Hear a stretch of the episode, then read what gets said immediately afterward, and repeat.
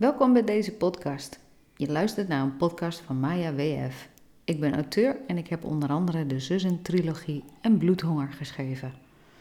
Soms, nou ja, oké, wel iets vaker, wordt mij de vraag gesteld of deze Zussen-trilogie autobiografisch is.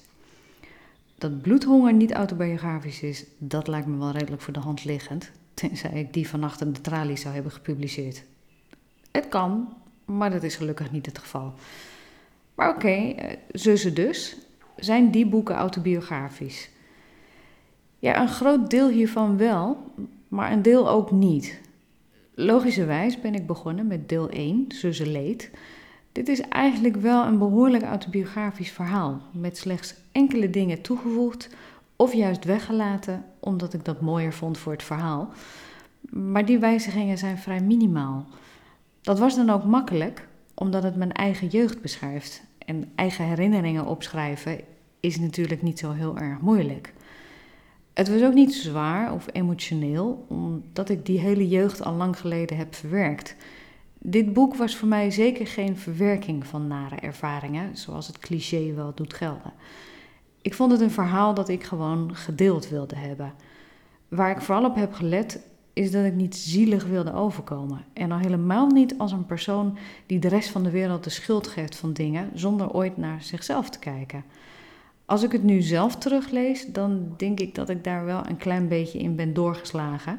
Want om heel eerlijk te zijn, vind ik Laura zelf eigenlijk ook helemaal niet zo aardig.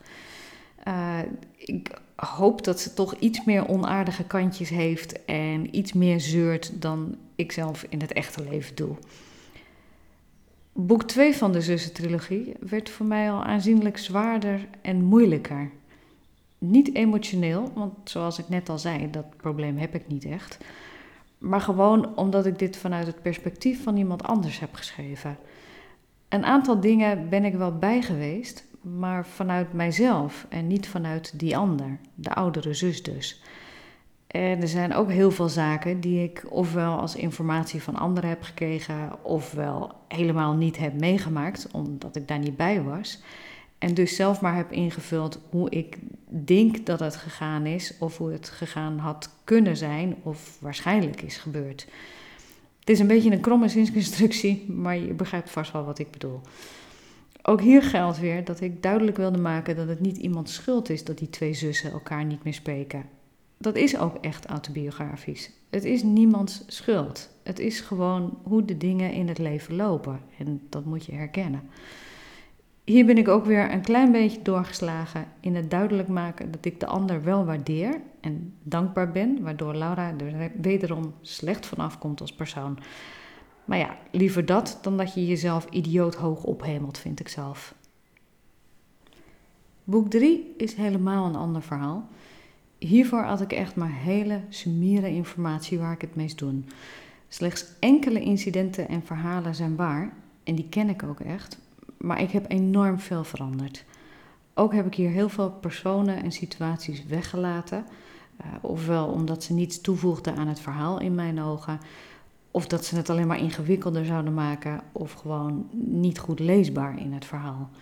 Die keuzes die waren soms best moeilijk en het voelde wel eens alsof ik een aantal dierbaren als het ware uitgumde, uit mijn leven schrapte.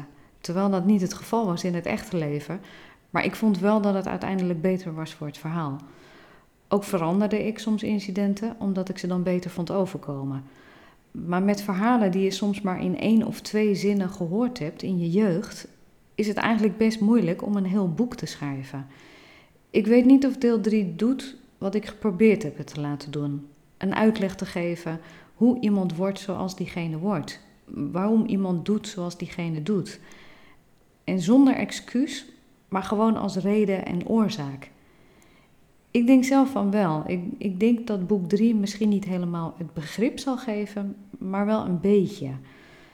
Voor de rest, terugkomend op de eerste vraag waar deze podcast mee begon, zijn de boeken autobiografisch? Ja, het grootste gedeelte wel. Ik heb hier en daar wat weggelaten. Ik heb hier en daar iets toegevoegd wat niet waar is. Ik zou nog twee boeken kunnen vullen, maar dat ga ik niet meer doen. Is het hiermee afgesloten? Absoluut. Zussen is klaar en op. Er komt geen nieuw deel meer. Ik sluit niet uit dat ik misschien ooit nog eens een keer een boek zal schrijven. Opnieuw over de gevolgen die fysieke en geestelijke mishandeling in iemands jeugd op de rest van hun volwassen leven kan hebben. Maar de zussentrilogie is echt af.